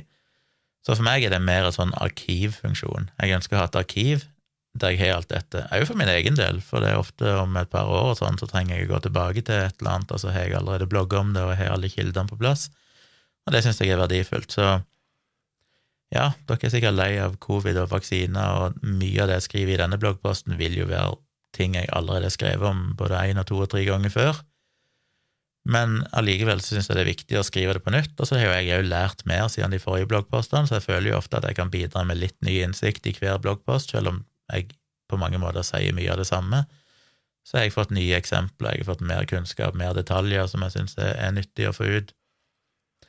Ehm, så det håper jeg jo er viktig, å verdsettes av folk. Så det kommer, for å se om jeg får publisert den i morgen, jeg er ikke så langt ifra å være ferdig med den. Så følg gjerne med på det inne på tjomli.com. Så det var eh, egentlig bare det. Jeg tror jeg skal bare avrunde. Jeg tror ikke jeg skal spille inn noen ting etter det intervjuet, så det blir kanskje en litt brå slutt på denne episoden, men jeg avslutter på en måte her, og så klipper jeg veldig snart over til intervjuet med Karl Johan Tronstad. Må bare nevne at vi hadde som sagt bitte grann dårlig lyd, eh, sånn jeg vet ikke, en halvtime eller sånn ute i intervjuet, så fikk plutselig han problemer med forsinkelse i lyden. Han fikk noe sånn ekko som vi måtte avbryte, og han måtte koble opp på nytt. For vi gjorde jo dette over nettet, det var ikke noe vi gjorde face to face. Han sitter i Bergen. Så måtte han fortsette der han slutta, og så måtte jeg bare klippe det sammen, så det kan høres litt rart ut. Jeg har prøvd å fade det inn og ut akkurat der, så dere hører at det skjer noe rart med lyden, men det var fordi vi måtte kutte vekk noen minutter der vi bare satt og diskuterte lydproblemer, og han måtte koble seg opp på nytt. Og så kom de problemene litt tilbake igjen på slutten, men da avrunda jeg egentlig bare, så det ble jo litt sånn brå slutt på hele greia. Vi kunne sikkert ha snakka mer, men, men, jeg håper vi fikk fram en del. Poenget med det intervjuet er jo å, å gi en liten motvekt til det intervjuet med Henrik Vogt, der jeg der Henrik Vogt i veldig stor grad avviste disse biologiske markørene og, og i stor grad mente at ME og kronisk utmattelsessyndrom var psykologisk, eh, selv om han òg var veldig tydelig på at dette skillet mellom psykologisk og kroppslig er jo litt kunstig, så det, går litt over i hverandre. Men at det generelt sett trodde at alt dette var samme sykdom, og at ja, at det kunne løses gjennom kognitive metoder, iallfall for en del pasienter. Og kanskje er han rett i det, jeg er ikke uenig i at ja, ettersom jeg fortsatt tror at ME er en slags sekkediagnose, der det er mye forskjellig sykdom som blir kalt for ME, så tror jeg òg at noen av de kan ha stor nytte, kanskje til og med bli friske, av forskjellige mentale teknikker, eh, holdningsendringer, eller sånn mentale holdningsendringer, lære å jobbe med tankene sine og følelsene sine, mens for andre vil det være helt meningsløst. Eh, og for andre igjen så kan det være at det ikke gjør de friske, men det kanskje hjelper på livskvaliteten. Så det er liksom alle, alle faser her. Men jeg ønsker jo også å få sjekka litt ut dette her med er det virkelig riktig at all denne forskningen internasjonalt og i Norge på biologiske markører basically bare er dårlig forskning og omtrent aktivisme, sånn som jeg følte Henrik Vogt fremstilte det. Eh, så da vil jeg snakke med Karl Johan Tronstad, som har jobba med å forske på ME ved Universitetet i Bergen, og høre litt hva han kunne fortelle oss om det de har funnet, og det andre har funnet, om forskjeller i ja, forskjellige egenskaper i kroppen, forskjellige molekyler i kroppen hos ME-pasienter sammenlignet med andre. Så det intervjuet kommer her, og eh, takk for at du har hørt på denne ranten igjen. I kveld, fredag kveld altså, så skal meg og Tone ha en livestream sannsynligvis, så tune inn på min YouTube-kanal eller på hennes YouTube-kanal. Hennes heter Tone Sabo, min heter Tvilsomt med Tjomli, eller på Facebook-sida mi til Saksynt. Der streamer vi live i kveld, sikkert klokka elleve, og der kan dere stille spørsmål og prate med dere om alt mellom himmel og jord. Så det håper vi dere eh, blir med på. Ja, skal ikke reklamere for andre ting enn akkurat det, men jeg er tilbake igjen med en ny episode på tirsdag. Som jeg har lova lenge, så har jeg endelig fått med meg en gjest. Eh, det ble, skulle egentlig være forrige uke, men det ble utsatt av diverse årsaker. men men nå er vi her. Jeg har med meg eh, Karl Johan Tronstad, som ifølge diverse nettressurser er en professor ved Universitetet i Bergen. Han skal si litt mer om hvem han er, men først må jeg bare si tusen takk for at du tok deg tid til dette. Det setter jeg veldig pris på. Uh, gi, gi oss en liten sånn innsikt i hvem du egentlig er. Hvorfor, hvorfor, hvorfor føler jeg at du er viktig å ha med her? Ja, jeg, jeg, er som sagt eh, professor i Institutt for biomedisin ved Universitetet i Bergen. Og eh, Der driver vi jo med, med forskning og med, med undervisning på, med, på, medisiner og tannlegeprogrammet og de, på en måte, de prekliniske fagene eh, her på universitetet. Um, jeg har forska i um, ca. 25 år innenfor eh, tema som har med energistoffskifte å gjøre. Spesielt eh, har vi jobba mye på en måte i, i eksperimentelle modeller. Dvs. Si eh, celler som vi dyrker på laboratoriet og, og dyreforsøk.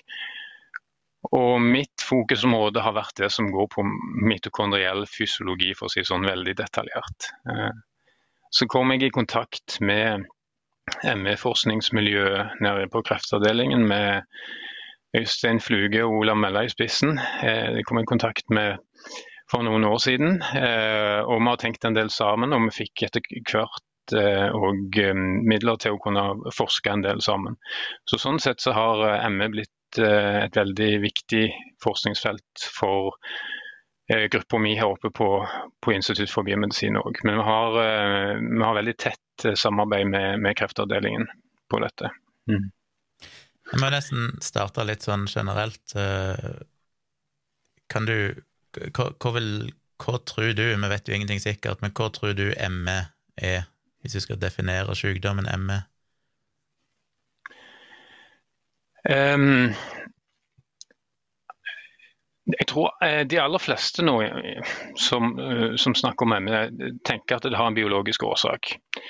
Og så diskuterer en litt hva den biologiske årsaken er. Eh, vi jobber ut fra en, si, en, tredelt mekanismemodell, hvor du har en utløsende mekanisme um, som da fører til en del kan si, uh, påfølgende mekanismer som, som gir symptomene, uh, og som vedlikeholder symptomene. Og så kan du i siste ledd få kroppens eget egen måte å takle denne her belastningen, sykdomsbelastningen på. Nærmest, altså kroppen er jo utvikla for å kunne overleve under skiftende omstendigheter og, og, og på en måte Eh, kunne tilpasse seg endringer i, i kroppen og utenfor kroppen. og, og, og Det er også systemer som vi må tenke inn i dette bildet når vi skal prøve å forstå en mekanisme. For, for eh, En tenker jo fortsatt at mekanismen en sier en, dette er en kompleks sykdom, og så er det litt uheldig. For det kan gi et bilde av at det ikke går an å finne ut av. Men det er, tror vi er helt feil. Eh, og Når en snakker om hva, hva, som forårsaker sykdommen. og Da kommer vi inn på denne første startmekanismen. Eh, der har vi jobba veldig ut fra en tanke om at det har skjedd noe med immunforsvaret, og at det, det er en del funn som tyder på at det kan være en autoimmun mekanisme i bunn. I alle fall hos et utvalg av pasientene. Eh, og Det er fortsatt en, en, hypotese som vi jobber ganske mye for å teste og finne ut av eh, om det, om det kan være sånn. For, for det vil også selvfølgelig da kunne få noe å si for hvilken type behandling som en kan tenke seg kan virke i, i denne gruppa. Um, så vi jobber det, at det er f.eks. en infeksjon, virusinfeksjon eller et eller annet sånt som kan utløse en immunrespons som da blir til en autoimmun sykdom? Ja, eh, vi bruker um, disse såkalte Canada-kriteriene når vi forsker. Det er de strengeste kriteriene. Eh, og Da vet vi at 70, over 70 eh, kan si at de har hatt en infeksjon rett i forkant av at de begynte å få ME-symptomer. Så Han kobler det ofte til en infeksjon. Og nå i disse eh, covid-tider så er òg dette her en stor bekymring i feltet. At eh, det skal kunne bli en oppblomstring i kjølvannet av av eh, covid. Og, Det er det jo allerede mye skriving om. Så er det litt tidlig å si ennå. Men det er, det, det, er en bekymring i ME-forskningsfeltet på at det kan være en reell eh, eh, kan du si, fare for at det kommer en oppblomstring nå. Men det at en får eh, får en sånn infeksjon, da setter kroppen i gang sitt forsvarssystem. Det er jo immunforsvaret. Det lages veldig mye forskjellige antistoffer i en sånn oppstart. Eh, og så har kroppen et godt kvalitetskontrollsystem for å på en måte eh, finne hvilke antistoffer som, som skal bruke. Men det er, eh, er forskningsfunn der ute som, som viser at ting kan gå, kan gå feil i en sånn en, prosess som det. Og Noen ganger så kan det føre til at det er, blir hengende igjen en, en respons som ikke skulle vært der.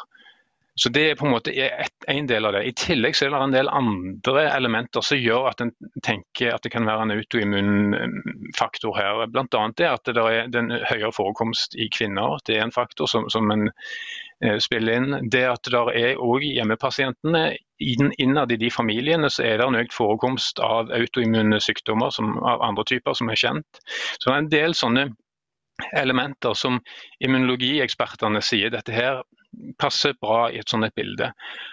Og så har du ikke minst de funnene som, som, ble gjort på kreftavdelingen i en helt tidlig fase. Nettopp at eh, noen kreftpasienter eller noen eh, pasienter som kom inn til de hadde hatt langvarig ME, og så fikk de eh, kreft. Eh, og så fikk de kreftbehandling, og, og de opplevde da bedring av eh, sine ME-symptomer. Eh, og Det ble det, var det en del, flere tilfeller av, og det gjorde at da Fluge begynte å tenke på om dette her kunne være et spor å forfølge. Så, så det er det som er grunnlaget for deres aktivitet med å teste ut en si, immunretta behandling i ME-pasienter.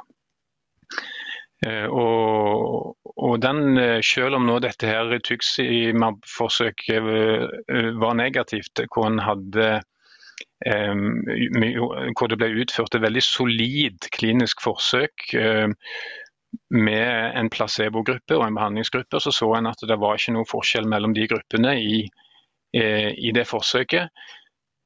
Da ser en jo at studien er negativ, men likevel så er det kan du si, observasjoner og funn som har gjort at en ikke legger vekk eh, helt det sporet om at det kan være en autoimmunmekanisme, for det kan være andre celler i kroppen som lager autoantistoffer enn de cellene som ble fjerna med eh, Retuximab.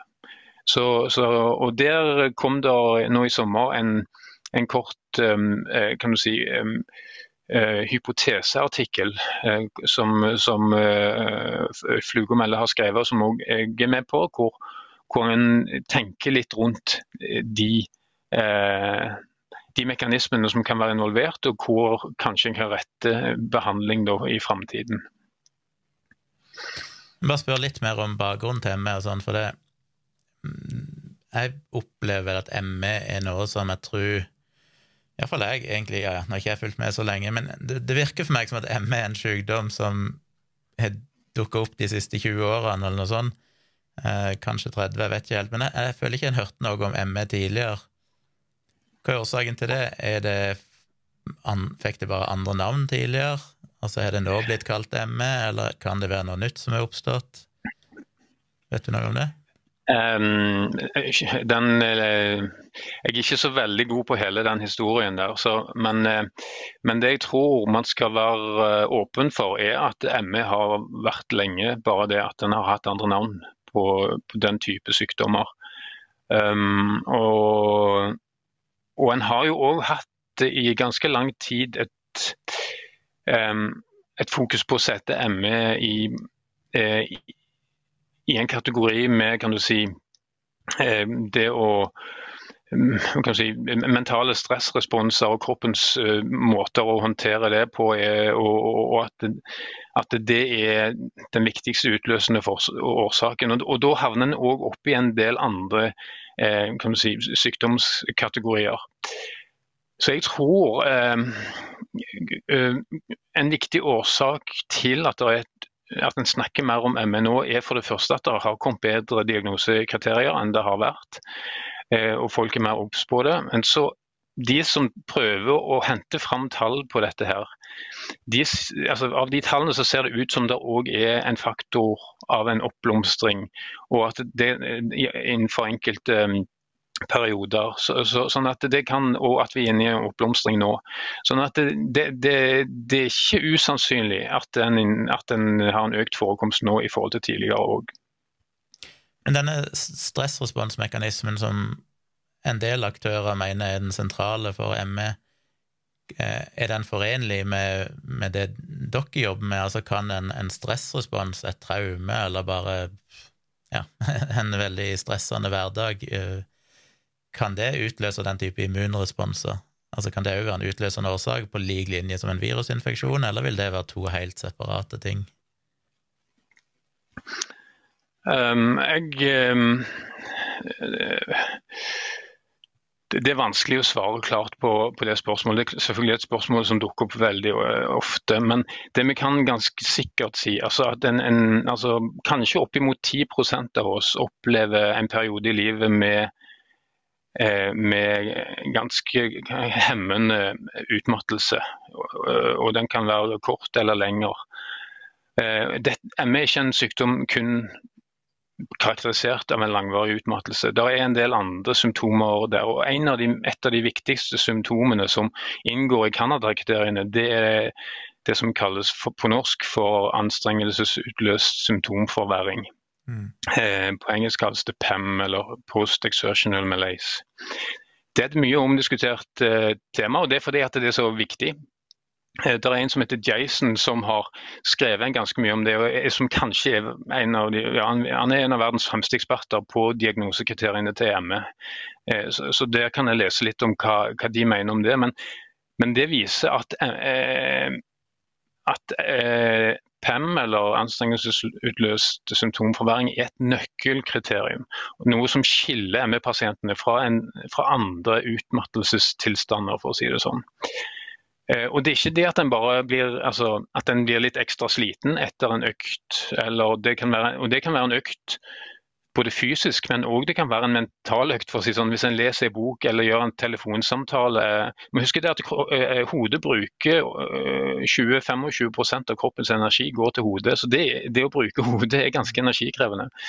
Eh, og, og det å få en reaksjon etterpå det som ME-pasientene gjør, de, de, blir syke av det. Og, og, så Det går ikke an å sette det i samme kategori som på en måte litt ekstra sliten. Eh, og Det er der eh, eh en del problemer eller en, eh, ja, det, det, der, eh, det kriteriet som på en måte må tas inn i det kliniske bildet for at en skal, skal få, få, få, skille ut den ME-gruppa. Men, men, jeg tenker noe som er veldig viktig å ha i hodet her, er at selv om um, altså en, Jeg må nok erkjenne at det er uh, en del av de som har fått ME-diagnosen altså for å se grupper, Hele grupper som har fått ME-diagnosen. En må nok innse at det, er det vil eh, vise seg at de egentlig har forskjellige årsaksmekanismer og derved forskjellige sykdommer. Mm. Det har ingenting med å prøve å sette ulike pasientgrupper opp mot hverandre. Dette her er snakk om å prøve å finne best mulig medisinsk behandling til alle pasientene, uansett hva de har. Mm. Og Det gjelder òg ME-pasientene med de strenge kriteriene i dag, som faller mellom alle stoler i de fleste systemer og, og er noen av de svakeste blant oss. Sånn at det, det, det det er viktig å ha det i hodet at selv om en prøver å dele opp pasientene i, i, mindre grupper, så er det for å kunne gi bedre behandling.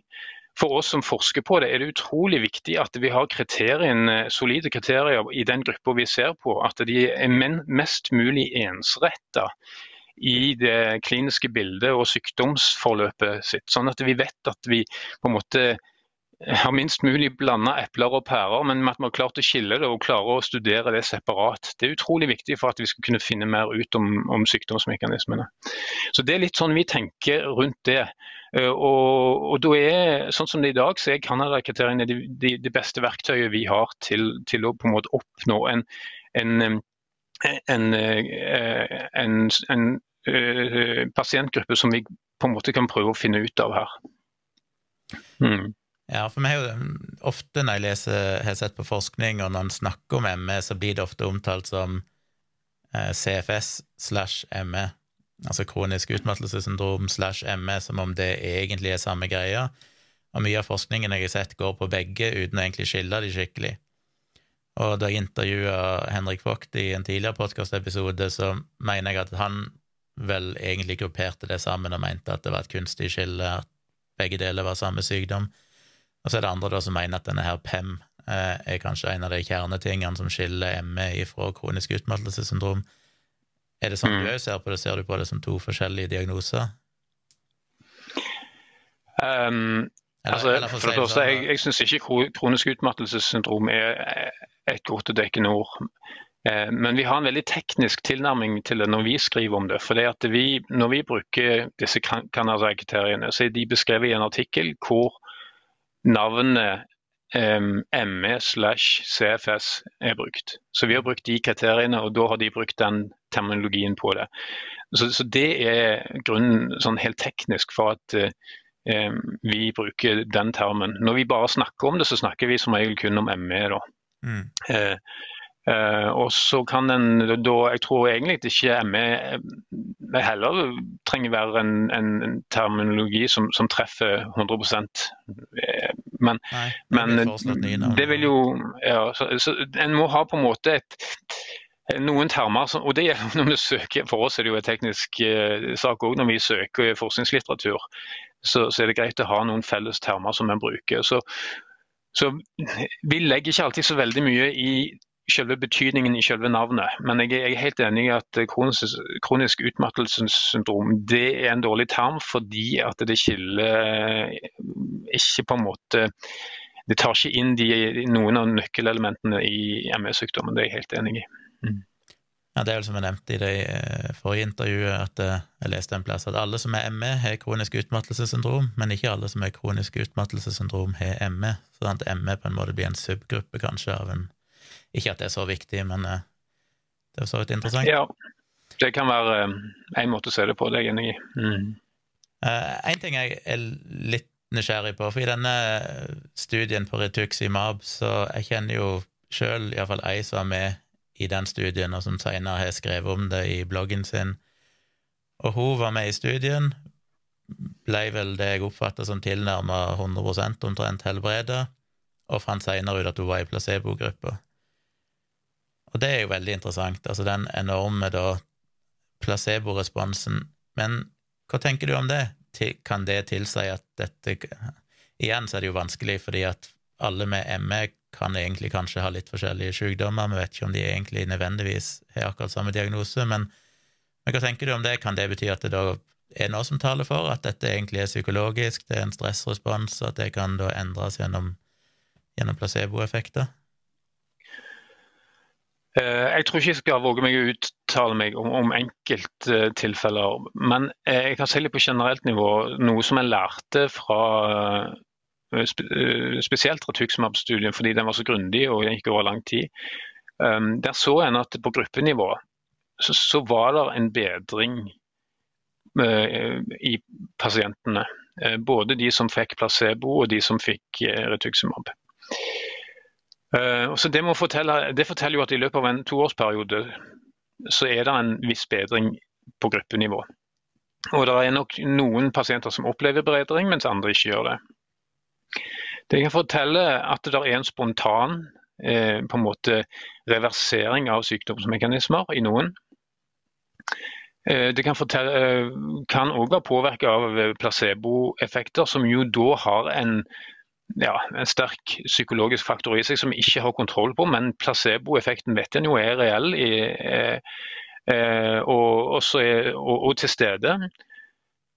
Eh, og, så, der, så der er det, det, det, er på en måte da En kan forvente at i løpet av en toårsperiode så, så er det en sånn, sånn bedring. Um, og så kan en bare spekulere i hva som egentlig skjer. Um, og det gjør vi, prøver vi å gjøre stadig vekk, holdt jeg på å si.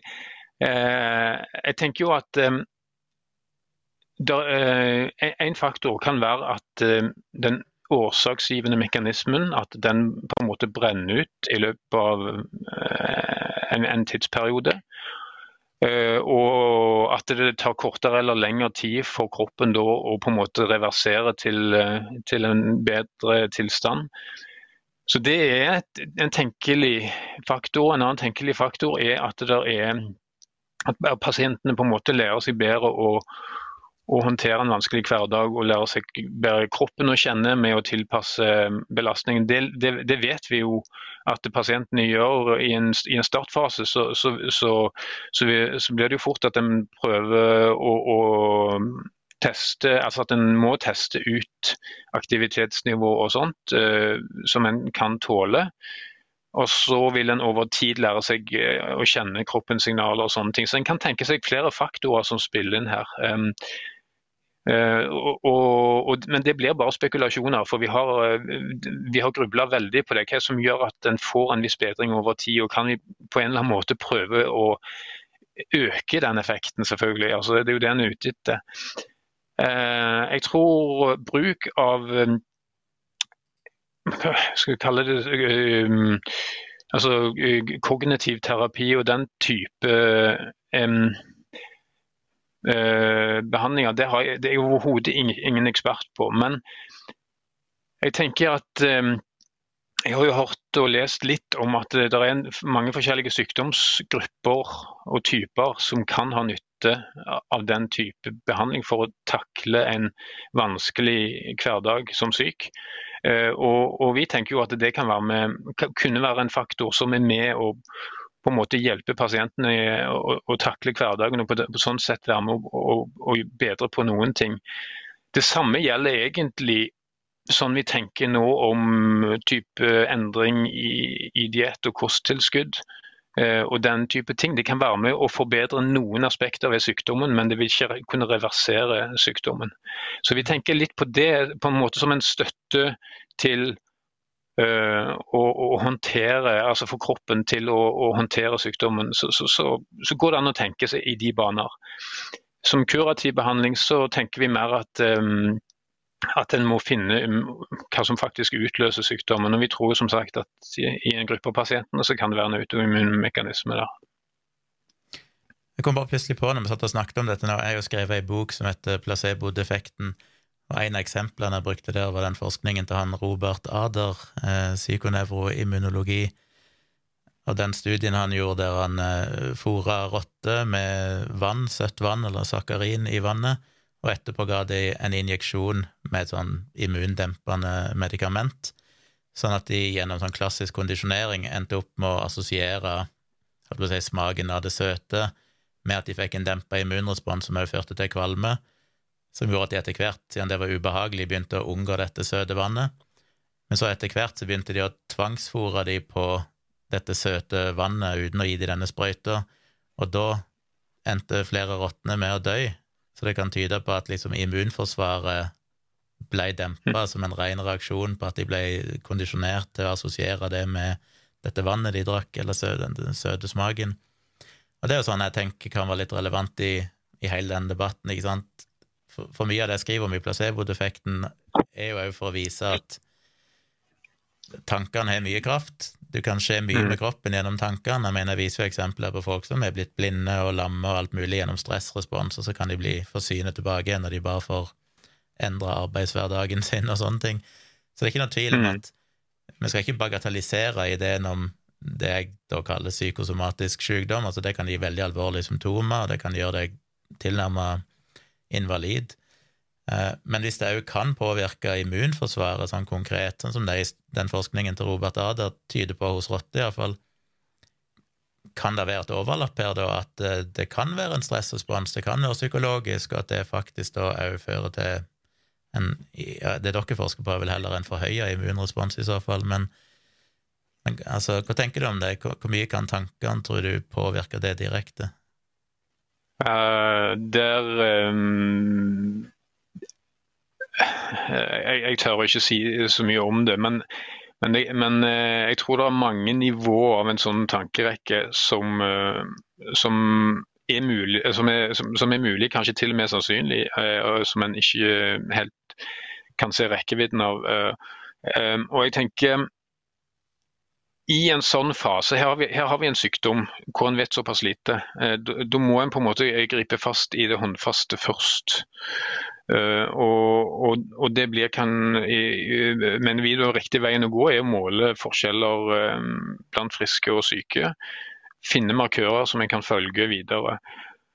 Uh, og så er det sånn at selv om sykdommen er gammel, så har han ikke funnet gode måter å reversere den på. Det må jo fortelle oss at vi har mm, ikke funnet riktig spor ennå.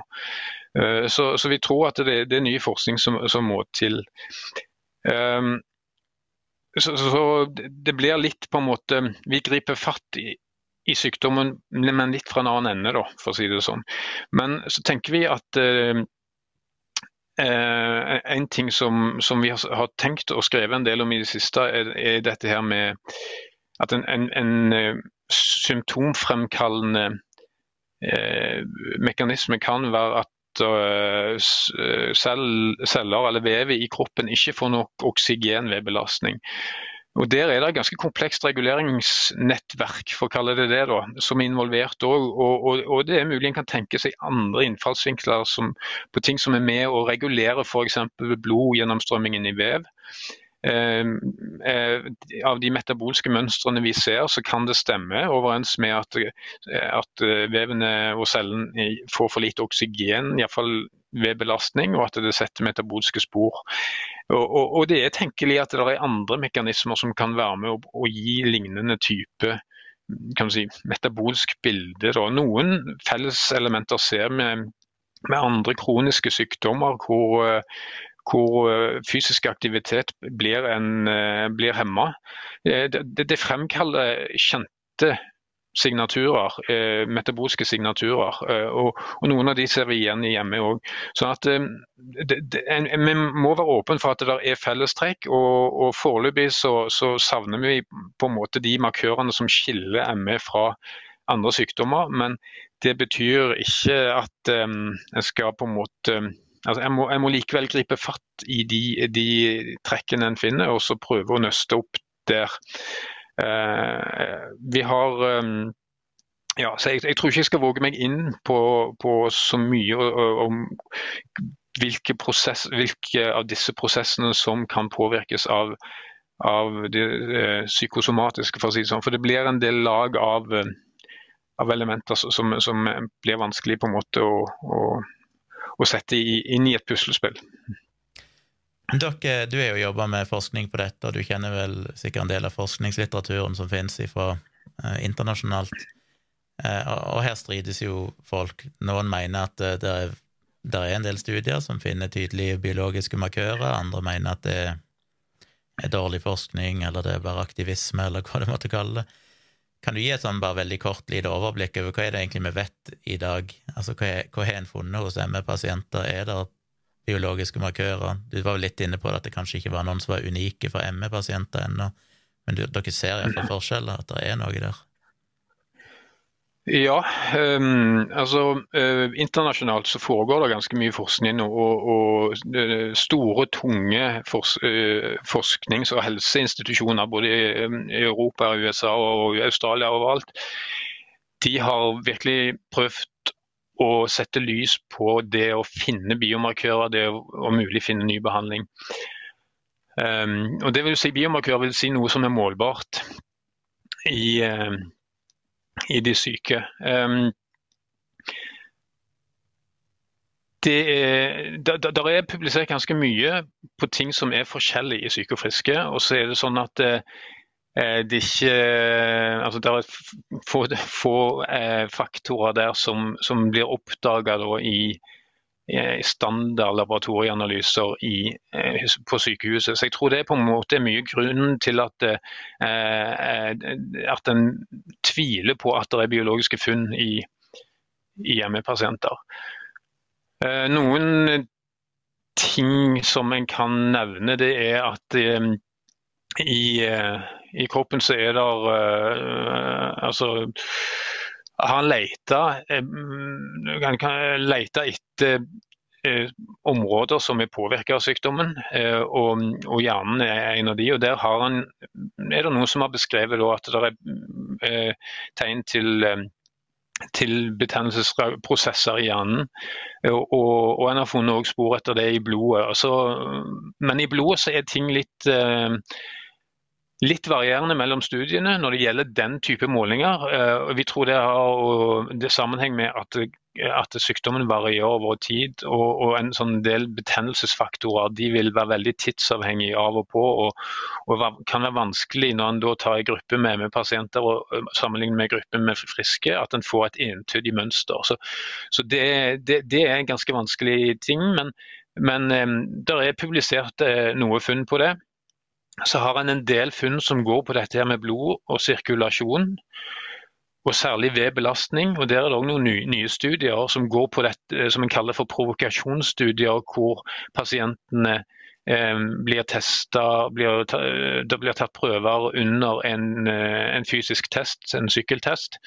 Eh, og så ser en at eh, det ser ut som, da, som eh, når blodet går gjennom uh, f.eks. muskelvev, så, tas, eh, så, klarer muskelen i mindre grad å ta opp oksygen eh, når blod passerer.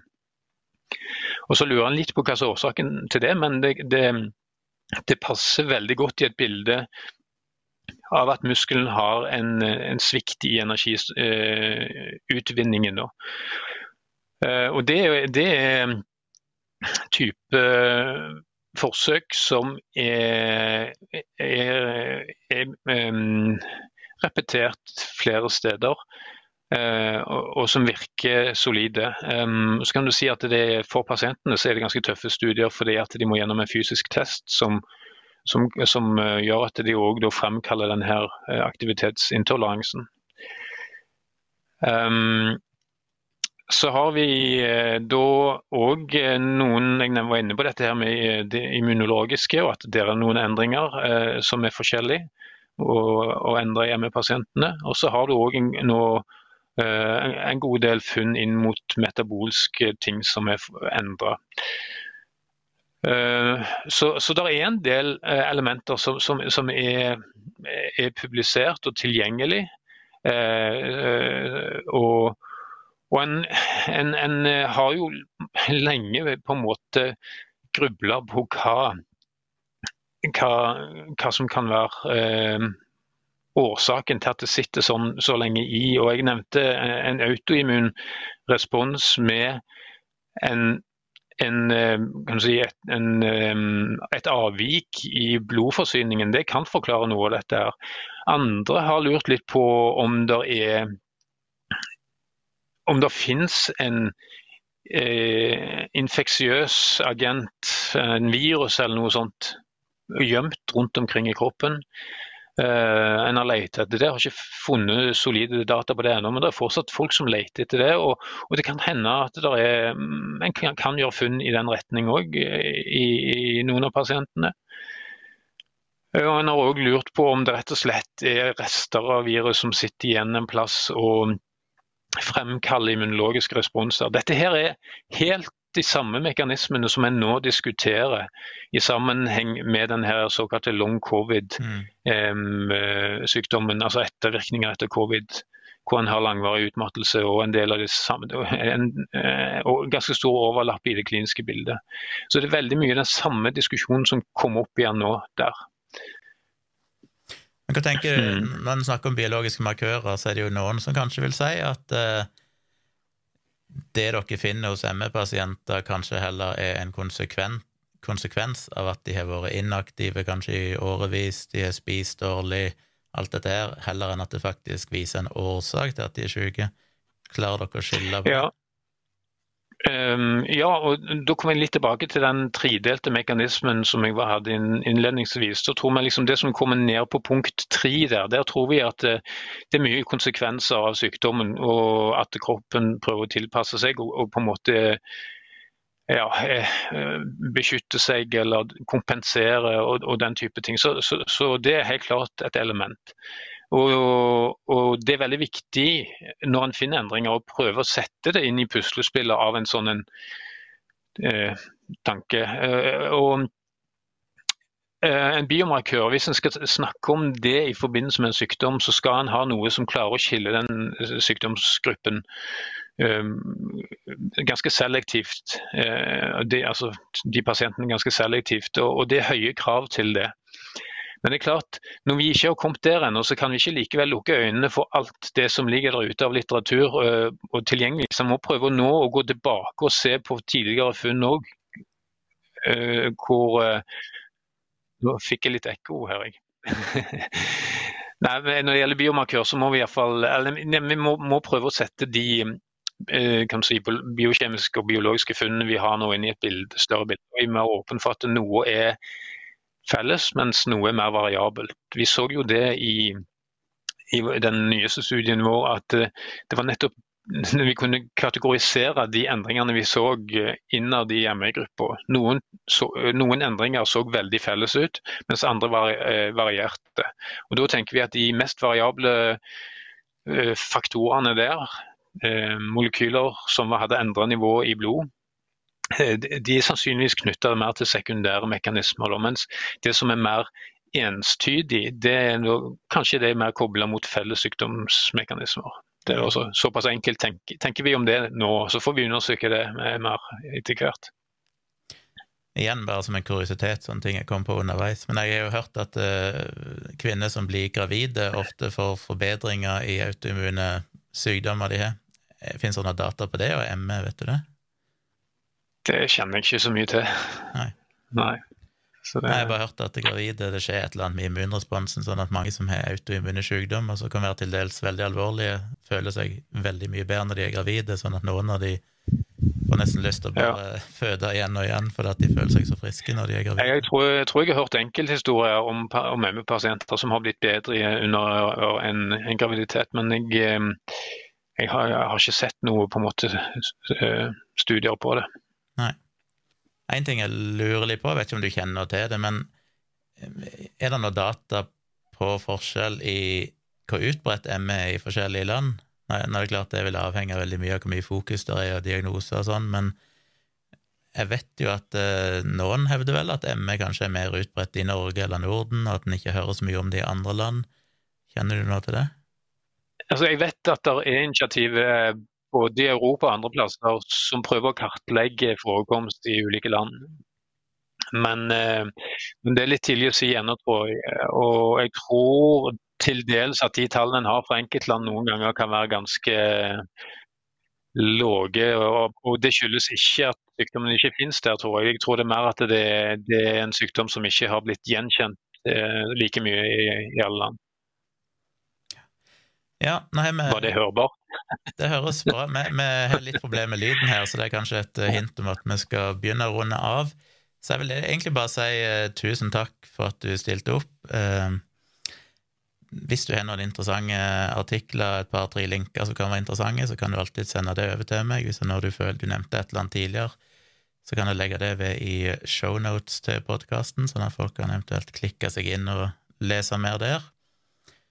Det tror jeg var alt. Da har vi fått eh, litt innblikk i hva som finnes i den eh, forskningen som skjer på ME innenfor den biologiske verden, holdt jeg på å si. Så eh, takk for at du var med. Takk.